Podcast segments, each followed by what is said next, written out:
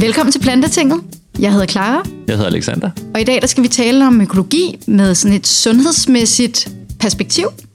Vi har inviteret Philippe Grandjean, som er professor i miljømedicin og forskningsleder på Syddansk Universitet, ind i studiet i dag. Og Philippe han ved en hel masse om øh, pesticider og hvad det har af konsekvenser for vores udvikling, især i fosterstadiet, men også helt op til, at vi er børn og teenager. Ja, og så ved han rigtig meget om PFAS, mm. og vi snakker også om bly, og vi kommer rundt omkring alle de her lidt farlige kemikalier, og hvad vi kan gøre i vores eget liv, og hvad vi kan gøre på et samfundsplan for at minimere de skadevirkninger, der kan være, ved at vi har dem omkring os. Så vi er i hvert fald selv blevet, blevet rigtig meget klogere på de her ting, som, øh, ja, som for at være helt ærlig er sindssygt vigtige. Så Helt det vildt. håber vi også, at de vil blive. God fornøjelse. Hej Philip, velkommen til. Tak. Vil du ikke starte ud med at fortælle os en lille smule øh, om dig selv, og hvad du går og arbejder på? Jeg er professor i miljømedicin. Det har jeg faktisk været i 40 år på Syddansk Universitet, og øhm, der har jeg så forsket i øh, miljøgifte specielt, øh, med henblik på at finde ud af, hvordan vi bedst beskytter os imod farlige stoffer. Det startede med bly, og så gik vi videre med kviksøl, og så har vi set på PCB og pesticider, og, og for tiden er det mest øh, de der meget nyttige, men også stærkt giftige stoffer, der hedder PFAS. Vi kan måske starte helt tilbage med blyhistorien, fordi der er lidt form for positivt og negativt øh, perspektiv i den. Kan du ikke fortælle lidt om, hvad der er med det bly der i benzin? Det, der øh, skete i, jeg tror det var 1924, var, at man havde fundet ud af at tilsætte en organisk blyforbindelse til benzinen, og øh, oliebranchen og automobilbranchen og metalbranchen, øh, de var enige om, at det var helt fantastisk. Og det man sagde dengang var, at hvis der overhovedet skulle være noget problem med at pumpe bly ud i luftforureningen, så ville man med det samme stanse anvendelsen. Og det lød jo vældig godt, øh, men så ansatte man en øh, ung læge, som øh, ligesom kunne sætte ord på det, øh, industrierne gerne ville have. Og han sagde så, jamen, der skal jo være bevis for, at det er et problem. Det, det kan ikke nytte noget med, at man bare kommer med nogle holdninger. Så hver gang der blev lavet undersøgelser af små børns øh, hjernefunktioner og deres skoleresultater og den slags, og blyforurening, øh, så var han der og, øh, og sagde, jamen har I nu taget hensyn til, øh, om moren drikker, eller faren er storryger, eller hvad det nu var. Og når det så viste sig, at der var et eller andet hul i argumentationen, så sagde han, nå jamen, så er der jo ikke noget bevis. Og så kunne øh, man fortsætte, og det skete jo indtil øh, cirka 1980 i de fleste lande, men, men øh, lande som Algeriet og ja, øh, der er nogle ganske få lande øh, fortsatte indtil for ganske nylig, og vi bruger stadigvæk blyholdig benzin i sportsfly. Så ja, blyforurening er stadig et problem, fordi bly ikke nedbrydes. Og vi er stadigvæk udsatte for bly, for eksempel i vores grøntsager, øh, som stammer fra den gang, vi gerne vil øge oktantallet for at nå hurtigt frem til det næste røde lys. Det er jo så langt ude, ikke? at det stadig lever, eller vi stadig er ofre for, for det, der skete dengang.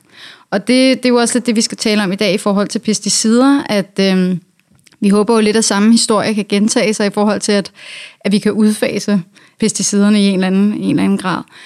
Philip, kan du fortælle lidt om, om pesticider og sådan, hvordan så fødevarekæderne og hvordan det ligesom hænger sammen?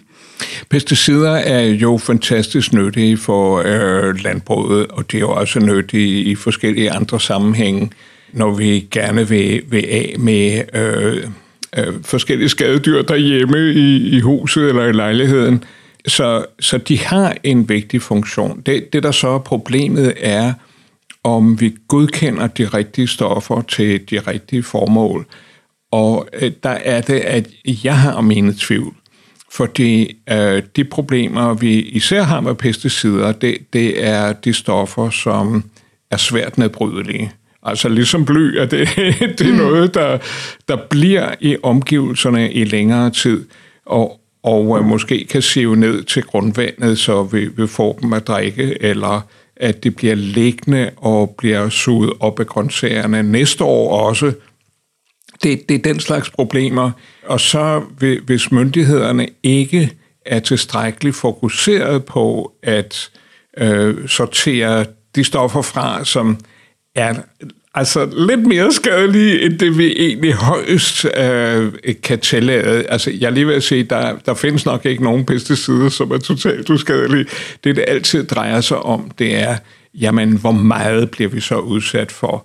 Og der er det jo klart, at hvis man øh, sprøjter dem på grøntsager, så, så er der altså meget tæt på det, vi går og spiser, og skal man være særlig opmærksom.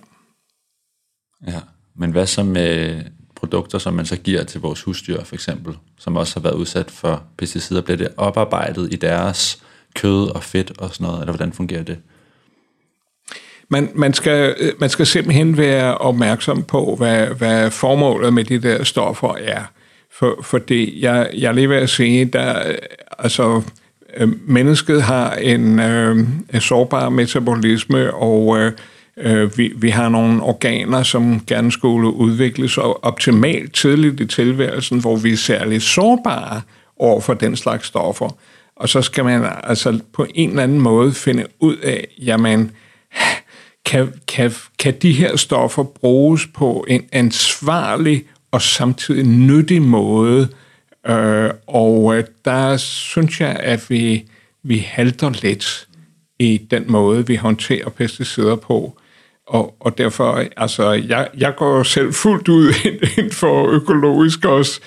Øhm, men men det, er jo, det er jo lidt svært, fordi det er jo ikke altid, der findes økologiske mm. løsninger. Ja, det er rigtigt. Men hvis man så går efter det røde ø-mærke, slipper man så af med alle pesticider, eller hvordan er det egentlig?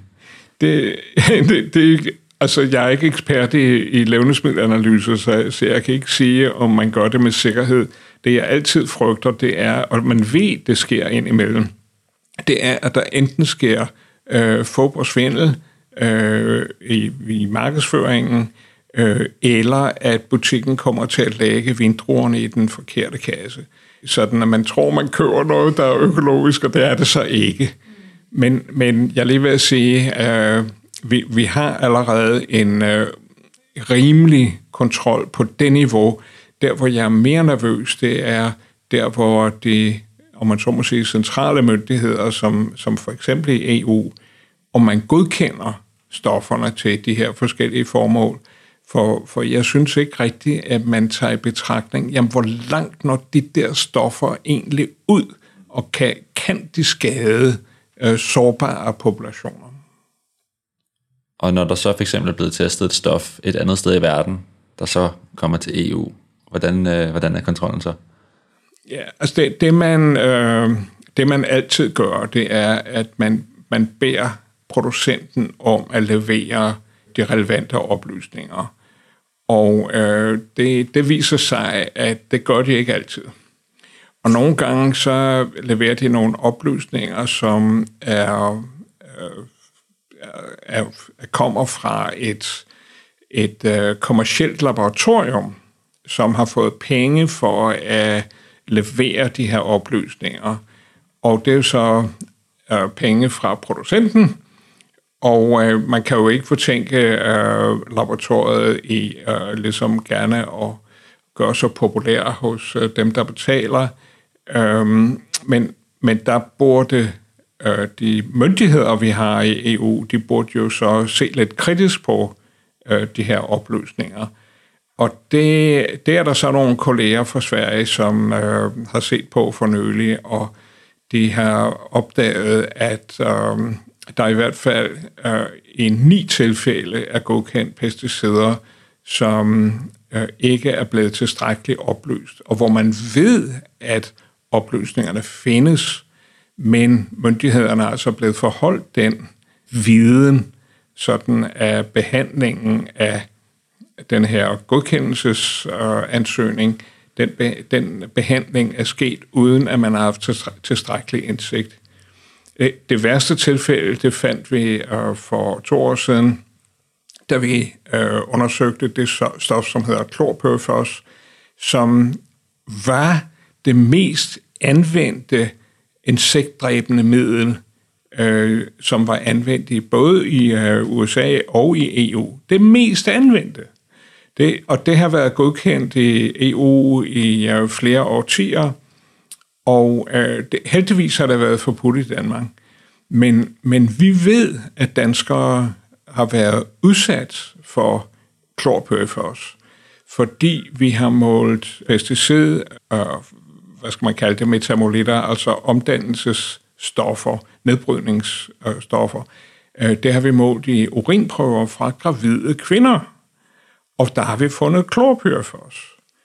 Og øh, det må jo så stamme fra øh, vindruer og blommer og den slags, som øh, givetvis har været sprøjtet med, med det her nu forbudte øh, middel. Og så vi i Danmark altså har været udsat for et stof, som vi egentlig har forbudt. Ja. Men, men det vi fandt ud af var, at øh, den rapport, som producenten faktisk øh, havde sendt til EU, den fortalte om øh, et rotteforsøg, og øh, det kommercielle laboratorium øh, havde konkluderet, der var ikke noget problem, når man undersøgte rotteungerne, og man havde endda målt øh, helt nøjagtigt, hvor, øh, øh, hvor stor var hjernen, hvad var vægten på de nyfødte rotters hjerne. Og vi gjorde så det, at øh, vi simpelthen øh, øh, fik adgang til de her gamle data, og vi så på alle resultaterne for de her rottefødsler, og vi kunne altså godt se, at der var en skadelig effekt. Simpelthen på vægten på de nyfødtes hjerner? Ja, ja. og det havde virksomheden ikke konkluderet. Det havde laboratoriet, det havde betalt for, det havde de heller ikke konkluderet. De, de sagde simpelthen i stor enighed, jamen stoffet er uskadeligt.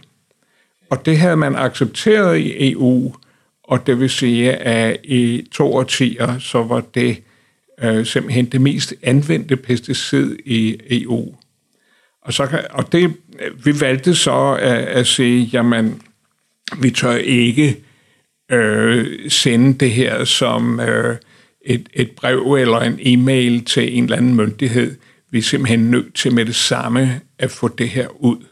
Så vi, sendte, vi skrev en videnskabelig artikel, vi sendte til et øh, miljømedicinsk tidsskrift, øh, hvor det så udkom øh, efter heldigvis efter meget kort tids behandling. Og straks efter at den artikel var kommet ud, og vi havde naturligvis sendt links mm. til de forskellige, øh, straks efter, så bad EU øh, Fødevareagenturet om at se på tingene igen. Hvorefter de konkluderede, jamen, den højst acceptable koncentration af klorpyrfos i øh, grøntsager og øh, andre levnedsmidler er 0. Mm. Og det vil Sådan. sige, at stoffet vil være forbudt, fordi man kan aldrig un- helt undgå, at der er nogle pesticidrester. Nej. Men det, det betyder så også, at de lande, som producerer for eksempel grøntsager til EU's marked, de må heller ikke bruge det, fordi så vil der kun øh, findes rester. Og det vil jeg sige, det, det var virkelig noget, der, der battede, og det skete i løbet af ganske få måneder. Bing! Mm. Så var der på plads. Fantastisk. Ja, hvis jeg selv direkte, var der nok gået øh, længere tid med byråkrati og hvad ved jeg, men stærkt. Jo, men det, det er jo dejligt at vide, at, at man øh, som forsker har mulighed for at, at råbe øh, myndighederne op, sådan at, at øh, der, der sker noget. Ja, der rent faktisk er ændringer, der, ja, ja. der bliver implementeret. Ja. Fordi hvis jeg tænker på, hvordan det gik med bly i benzinen, så øh, tog det årtier og, og hver gang blev man øh, modsagt af nogen, som formentlig mere eller mindre har været øh, i, øh, i, i hænderne på nogle af de der erhvervsvirksomheder, som havde økonomiske interesser i det her. Og hvad er det, man kan man sige, eller hvad er konsekvensen for kroppen, når du får de her pesticider? Nu er det det der med, at hjernen bliver mindre. Har det så noget at gøre med IQ, eller hvad, hvad, er ligesom, hvad kan man se, der sker? ja, det, problemet er jo, han har sagt, at det er ikke noget, man bare ser. Mm. Altså, der, der findes nogle forgiftninger, hvor man øh, for eksempel ud, udvikler grøn tunge. Og, okay. og det er jo meget let at se. Men, men øhm, og på længere sigt er det ikke nogen sådan særlig skadelig øh, effekt. Men det der, det, der er problemet, og det, det er jo, at, at hvis det går ud over IQ og, og børnenes øh, chancer for at klare sig godt i skolen, øh, Øh, så er der ikke noget, hvor man... Øh, der, der står ikke klorpyrifos på, i, i panden på dem, eller... Altså, det, det er jo noget, der kræver store undersøgelser. Og øh, jeg lige vil sige, vi, vi startede selv øh, serier af børneundersøgelser øh, i, jamen det er rigtig lang tid siden, altså cirka 1980. Øh, det startede som et bly med, med øh, skolebørn i øh, Aarhus, øh, hvor vi samlede, indsamlede deres tænder, og så målte vi blyindholdet i tænderne som udtryk for, hvad de havde været udsat for i længere tid. Og så var det længe at, at følge dem op hvordan de klarede sig. Og, og lige sådan, vi har lavet børneundersøgelser på Færøerne, og øh, vi laver dem i Odense. Og øh, altså i Odense startede det for cirka 10 år siden. På Færøerne startede vi i 1986. Jamen, øhm, det, det tager virkelig lang tid at, at bygge sådan noget op, fordi vi vil helst have en blodprøve fra morgen under graviditeten, og helst også en urinprøve eller, eller, nogen, eller flere øh, og blodprøve fra navlesnoren, når barnet bliver født, jamen, vi, vi står over for nogle, øh, hvad skal man sige, videnskabelige kvalitetskrav, som gør, at det her er kostbart, og det tager rigtig lang tid. Og når man så tænker på, at myndighederne kan sidde der i, i deres øh, lænestole og øh, øh, se lidt på papirerne, og så skal de bare skrive under et eller andet sted efter at have holdt møde om det der.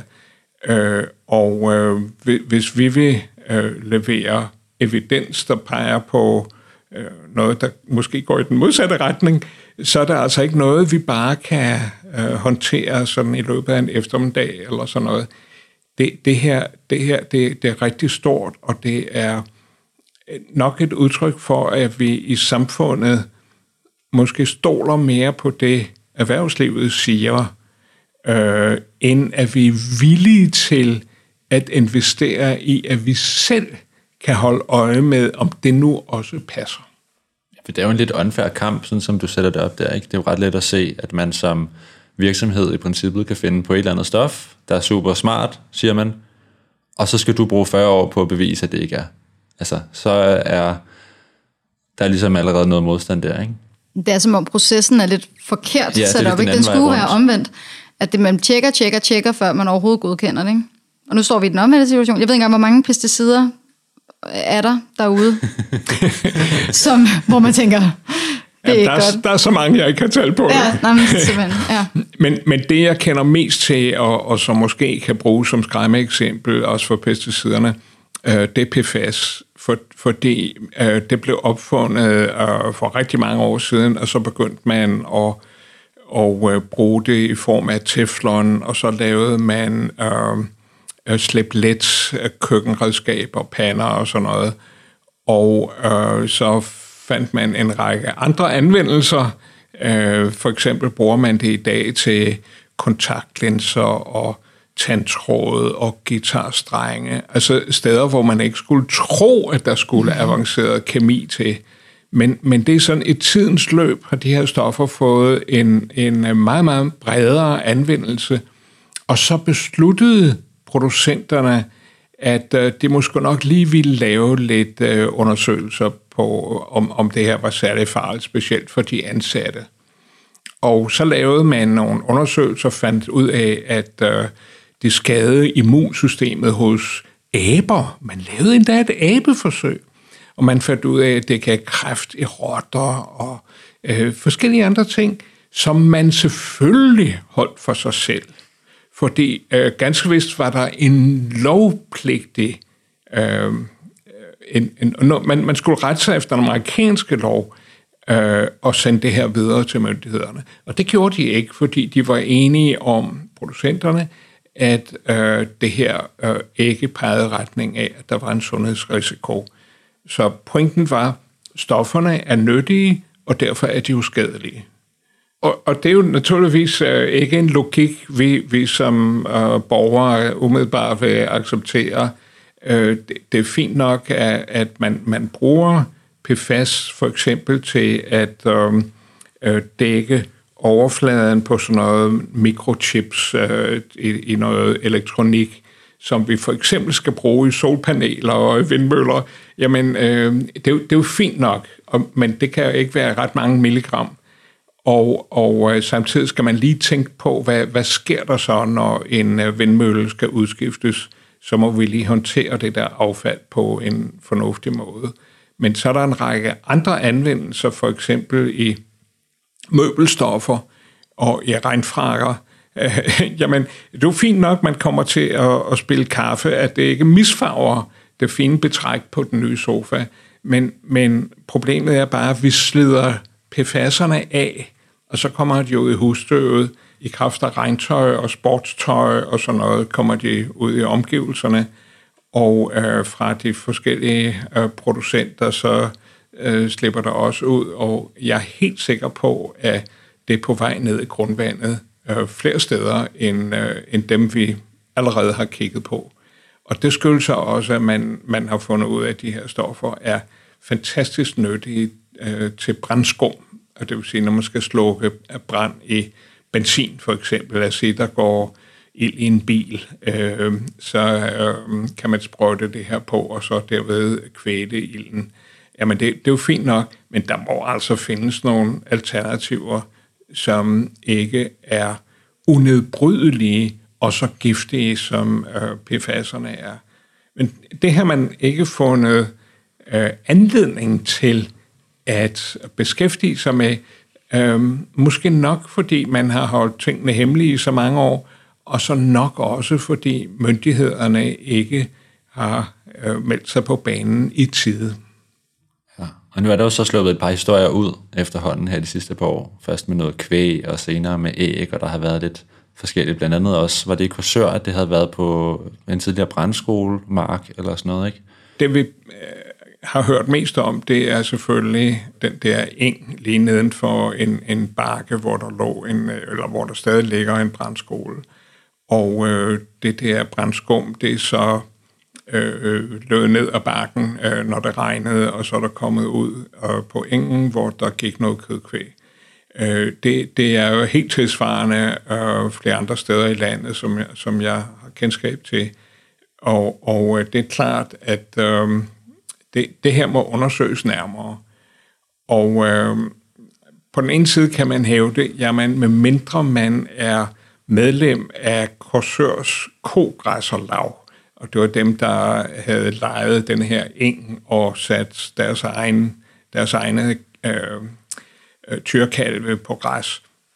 Medmindre mindre man er medlem der, så er det nok ikke så slemt, hvis vi øh, i løbet af et år måske en enkelt gang er så uheldig at købe hos slagteren øh, noget kød, som må, måske er forurenet. Men jeg, jeg kunne godt tænke mig, at der, der var en noget skarpere kontrol, øh, så forbrugerne kan være øh, sikre på, at øh, der ikke er grimme stoffer i de madvarer, man, man så køber. Og det, det gælder øh, naturligvis også øh, grøntsagerne, at øh, vi, vi ved, at der i EU er sket uheld, og det kan være noget af det er decideret svindel. Vi ved, at det sker, at der er noget, man kalder økologisk, og måske sælger til en lidt højere pris, at det så ikke er økologisk, men indeholder pesticidrester. Så det, det vil være rart, øh, synes jeg, som forbruger, at, øh, at der var en, en strammere kontrol. Ja, bestemt.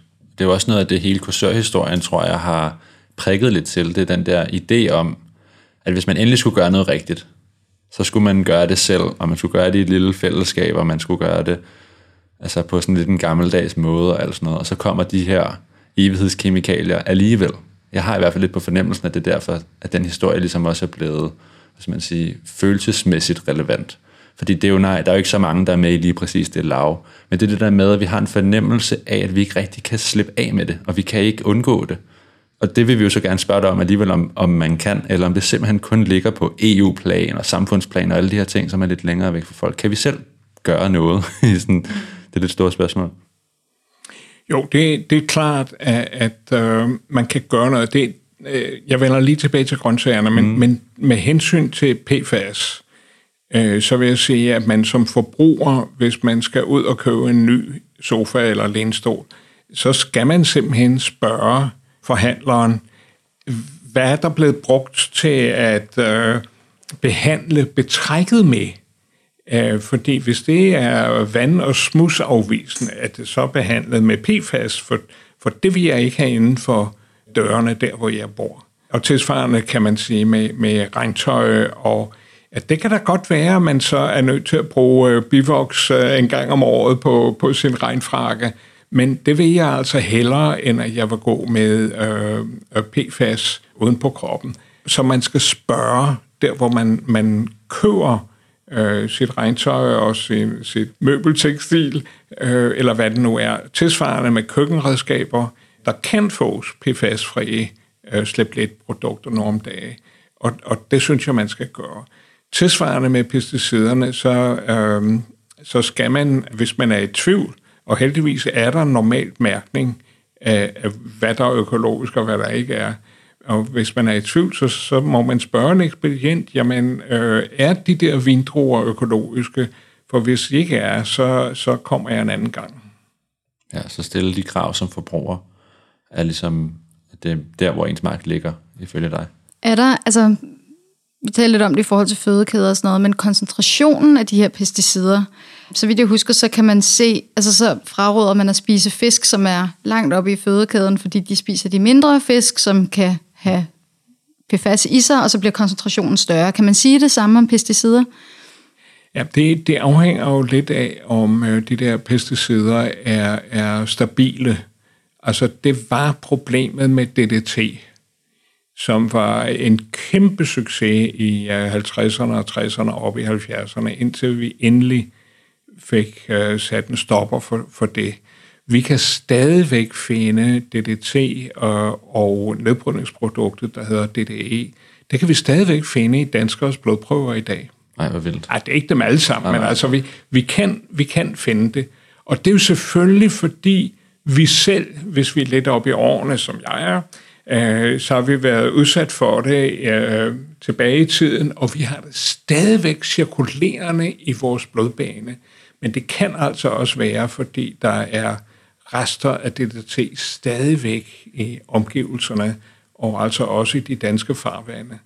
Og der tror jeg, at myndighederne har, har læst skriften på væggen, og at man, man netop har besluttet sig for, at den der slags persistente, det er det, man kalder dem, de der stabile, unedbrydelige stoffer, dem, dem vil vi ikke have flere af. Men, men så er der altså også spørgsmålet om, er de lidt opløselige i vand?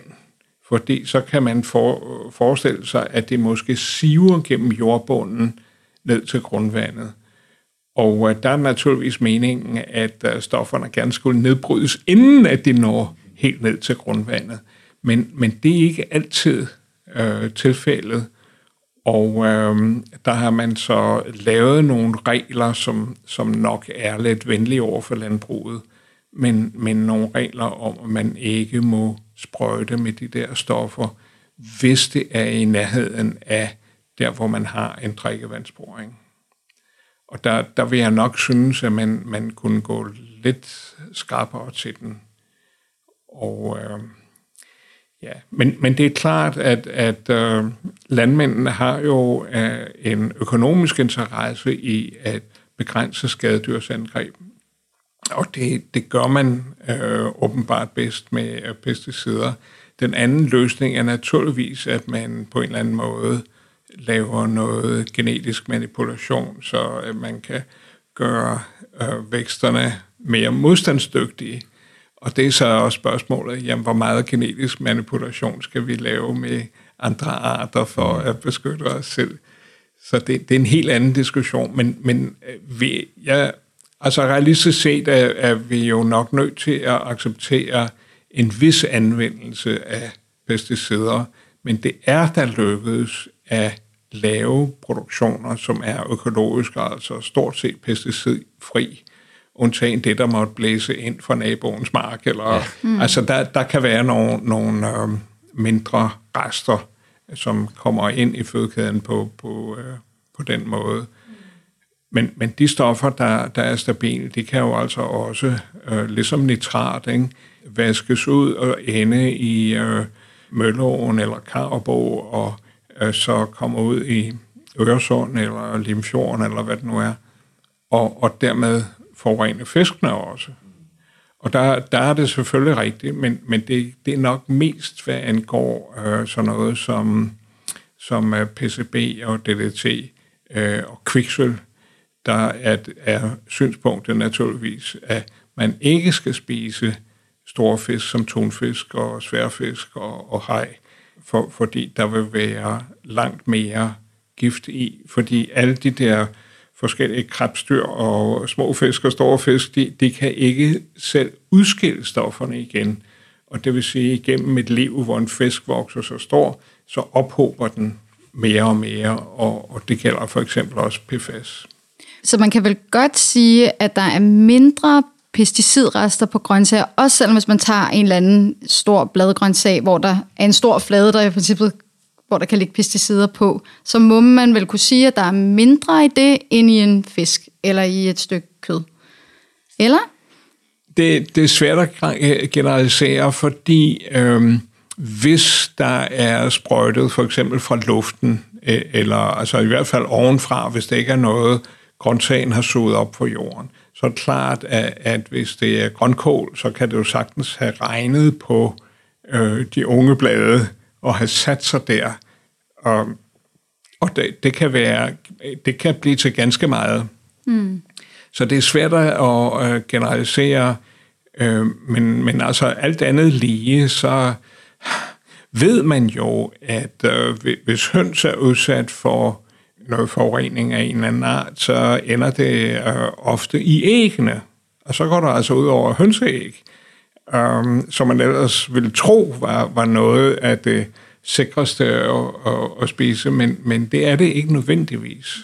Så der er altså nogle, nogle lidt komplicerede sammenhæng, og, og det, det ender altid med at sige, jamen det, det enkleste er simpelthen at undgå øh, produkter, der på en eller anden måde er blevet sprøjtet. Ja, og det er så primært igennem at vælge økologi. Ja, jeg vil sige, jamen, øh, altså, jeg, jeg foretrækker også selv økologi. Det, det, det der er problemet, at man ikke altid kan, kan få det. Ja. Mm. Og så må man øh, lige tænke øh, middagsmenuen om, eller, mm. eller pålægsmaden til i morgen. Og det, det kan man naturligvis også. Og, og jeg vil sige, jo flere forbrugere, der øh, satser på økologiske øh, grøntsager, øh, Øh, desto mere støtter vi den del af fødevareproduktionen.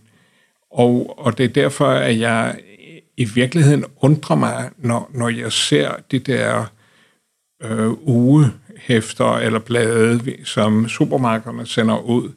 Der er altid kæmpe annoncer for øh, forskellige grøntsager, det er helt fint. Men, men der står ikke i reglen ikke anført, om det er økologisk.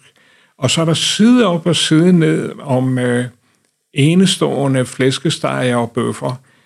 Og, og jeg tænker, jamen, øhm, hvor, hvorfor er fokus ikke på øh, de der, det kan være færdiglavede grøntsagsfrikadeller, eller altså tilsvarende produkter. Hvorfor er der egentlig ikke fokus på det? Hvor, hvorfor, hvorfor skal vi absolut have påduttet kødkvæg som del af, af, af vores kost? Og hvorfor er der ikke mere fokus på den økologiske side af det?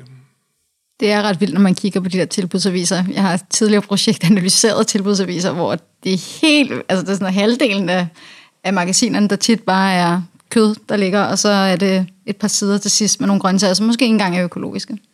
I tidligere afsnit, der har vi talt med Martin Keller, som er naturformidler, og der fik vi at vide, at det kun er 12 procent, 12-13 procent, der er økologisk i Danmark. Og det er jo øh, lidt nedslående, ikke? Øh, når vi hører, hvor frygteligt det er med pesticider eller at vi helst skal undgå det, og vi er endda en af de lande i verden, som er bedst til økologi, eller i hvert fald i EU. Ikke? Og øh, vi taler også om før, det her med, er det bedst at købe konventionelt dansk, eller udenlandsk økologisk?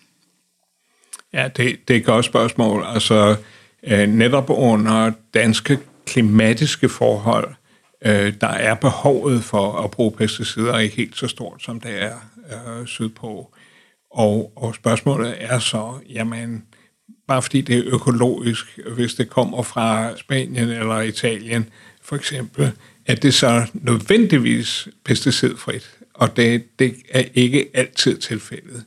Så øh, jeg vil sige det på den måde, at, at der, det tæller jo også ind i regnskabet, hvis de øh, grønne asparser kommer fra Peru, så øh, er det jo klart, at øh, der er en CO2-udgift der, som, som vi som borgere, der er bekymrede over øh, klimakrisen, at øh, vi, vi også lige må indregne, behøver vi øh, virkelig grønne asparser så meget, at de skal flyves ind, eller jeg ved ikke, hvordan man holder dem friske ved så lang en transport, at, at vi nødvendigvis skal købe dem fra et, et, et af de fjernestliggende lande, jamen, der, der må vi vælge.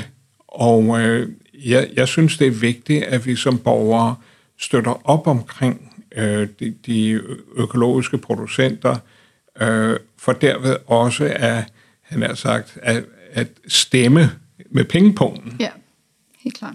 Hvis man så får noget konventionelt med sig hjem i kurven, lad os sige den grønkål, du nævnte tidligere, kan man så vaske nogle af de pesticider af, inden man begynder at bruge den i sin madlavning? Eller er det løb ligesom kørt?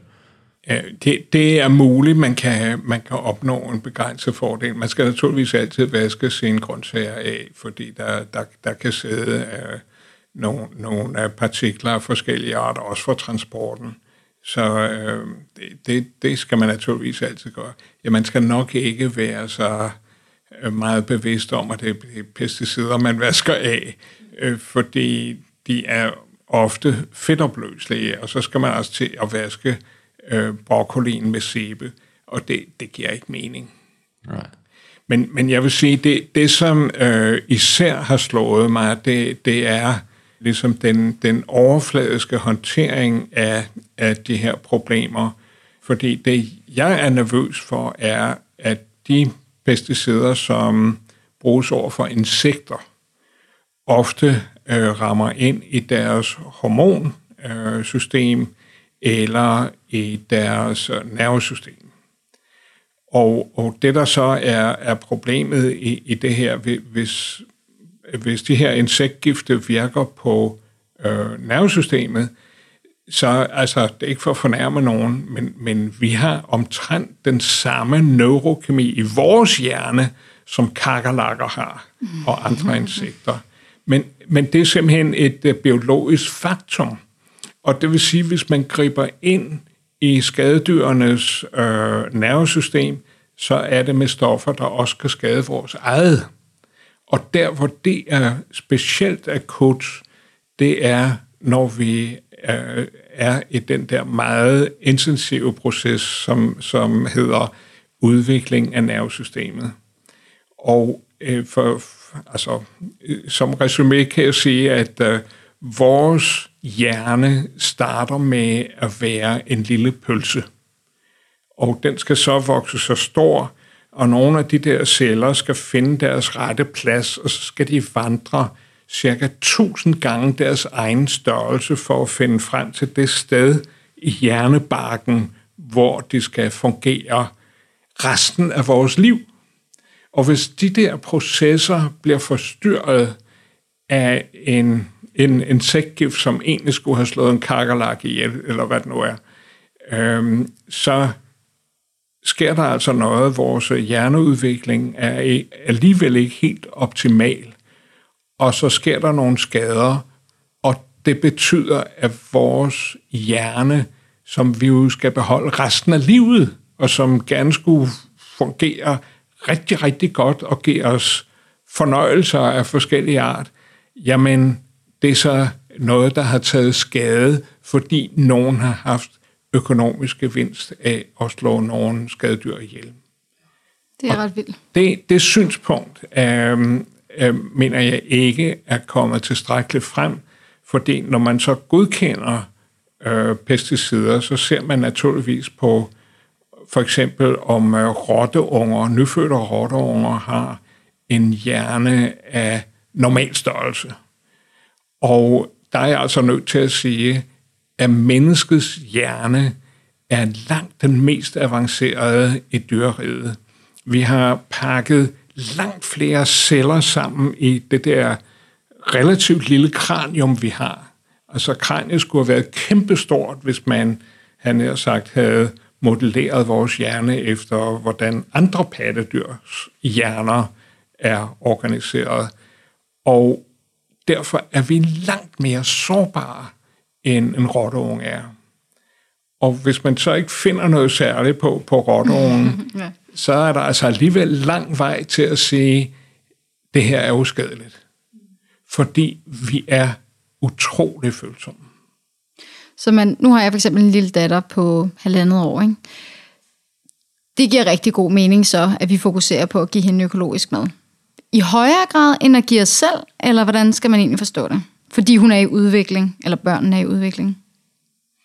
Altså, vi, vi er øh, selvfølgelig alle sammen øh, sårbare over for pesticider, men, men der, hvor det især øh, er noget, som er, kan være særlig farligt, det, det er selvfølgelig op til, hvad skal man sige, op til puberteten. Altså helt op til de, de yngre voksne. Øh, vi har for eksempel for nylig set på, øh, hvordan øh, øh, knoglerne udvikler sig og der er altså nogle stoffer, der gør, at når man øh, som teenager gerne skulle have akkumuleret rigtig meget kalk og fosfat i sine knogler, øh, så er der stoffer, der gør, at man, man ikke helt har det. Og det betyder, at fra 20-årsalderen cirka, begynder man jo at tage knoglemasse, og nogen tager altså rigtig meget, og, og specielt når man er lidt ældre, og så får man osteoporose, som er altså nærmest er en, øh, en folkesygdom. Og grundlaget bliver altså lagt i barndommen.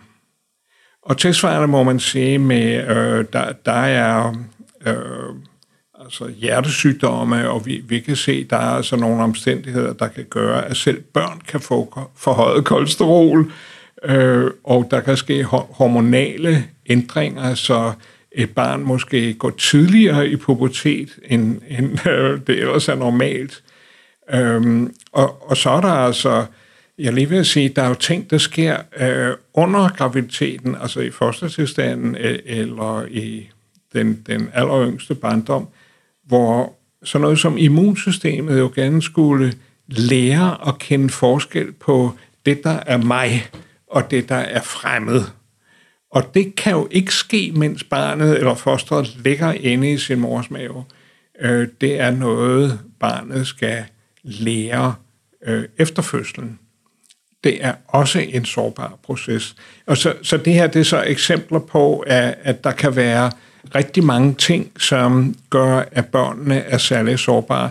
Jeg synes, at, at øh, du for din egen skyld naturligvis, men også for din datters skyld, skal være opmærksom på, på det her. Og øh, ja, hvis du vælger at købe økologiske øh, grøntsager, øh, så vil jeg sige, jeg er helt enig. Sådan. Inden vi gik i gang med optag her, så nævnte du også noget med økonomien i PFAS. Hvordan det kan være gavnligt for virksomhederne, og hvad det så egentlig ender med at koste samfundet. Kan du ikke fortælle lidt om det? Det, det mærkelige er, at øhm, øh, de, her, de her stoffer, som man har fundet ud af, er utrolig nyttige. Det har jo altså det har betydet øh, milliardindtægter i dollars øh, for, for de firmaer, som har produceret dem og anvendt dem til efterhånden rigtig mange formål. Og øh, i alle de år, der er gået, hvor man ikke har været opmærksom på det her, så er stofferne spredt over hele jordkloden. Man har fundet dem i regnvand øh, på Antarktis for eksempel. Så de er overalt.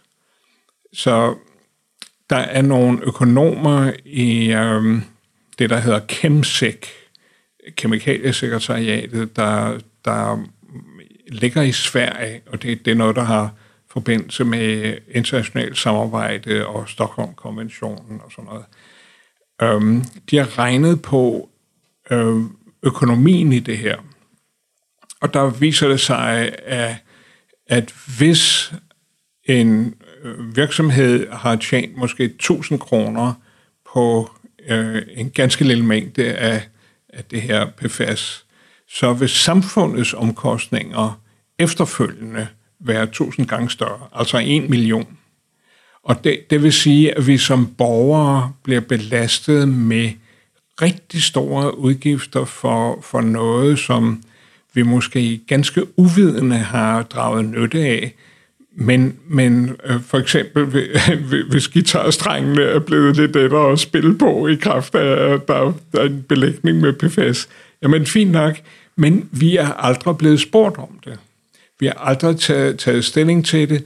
Vi er blevet forholdt viden om, at øh, de her stoffer kan findes i, i vores madvarer, og øh, om den så er økologisk eller ej, så kan den sagtens, sagtens være forurenet med, med PFAS. Og der har vi behov for noget større åbenhed, og vi har behov for, at den åbenhed øh, ikke bare gælder vores egne myndigheder og deres demokratiske ansvar, men at det også er, er noget, som virksomhederne må spille med i. Helt klart. Der er ikke nogen tvivl om, at du kæmper en, en nobel kamp her som, øh, som forsker, som vi virkelig kan være stolte af i Danmark. Men jeg ved også, at det har måske gjort dig en lille smule upopulær i nogle kredse. Hvordan, øh, hvordan går det ud i verden med dit, øh, med dit gode navn og renommé? Jo, det, det er jo klart, at, at øh, vi, vi har jo selv produceret pesticider, altså Kemisk Værk Køge og det, der tidligere hed Keminova på Harbour Tange. Altså vi har selv øh, haft øh, og har til, til en vis udstrækning stadigvæk produktion af pesticider i Danmark. Vi har ikke mig bekendt produceret PFAS, men, men vi, der er masser af andre øh, giftstoffer, vi, vi i tidens løb har draget fordel, kommersiel fordel af. Og det, der så sker, er, at øh, stofferne, når de kommer ud i miljøet, øh, de lander altså måske i andre lande, og samtidig får vi noget luftforurening, der bliver blæst øh, til Danmark, eller der regner ned hos os, eller de forurener Vesterhavet, og så bliver havskummet øh, skyllet op på vores vestkyst øh, og lander inde på nogle marker på Sjællands Øje, eller hvor, hvor det nu er. Jamen, de her problemer er internationale.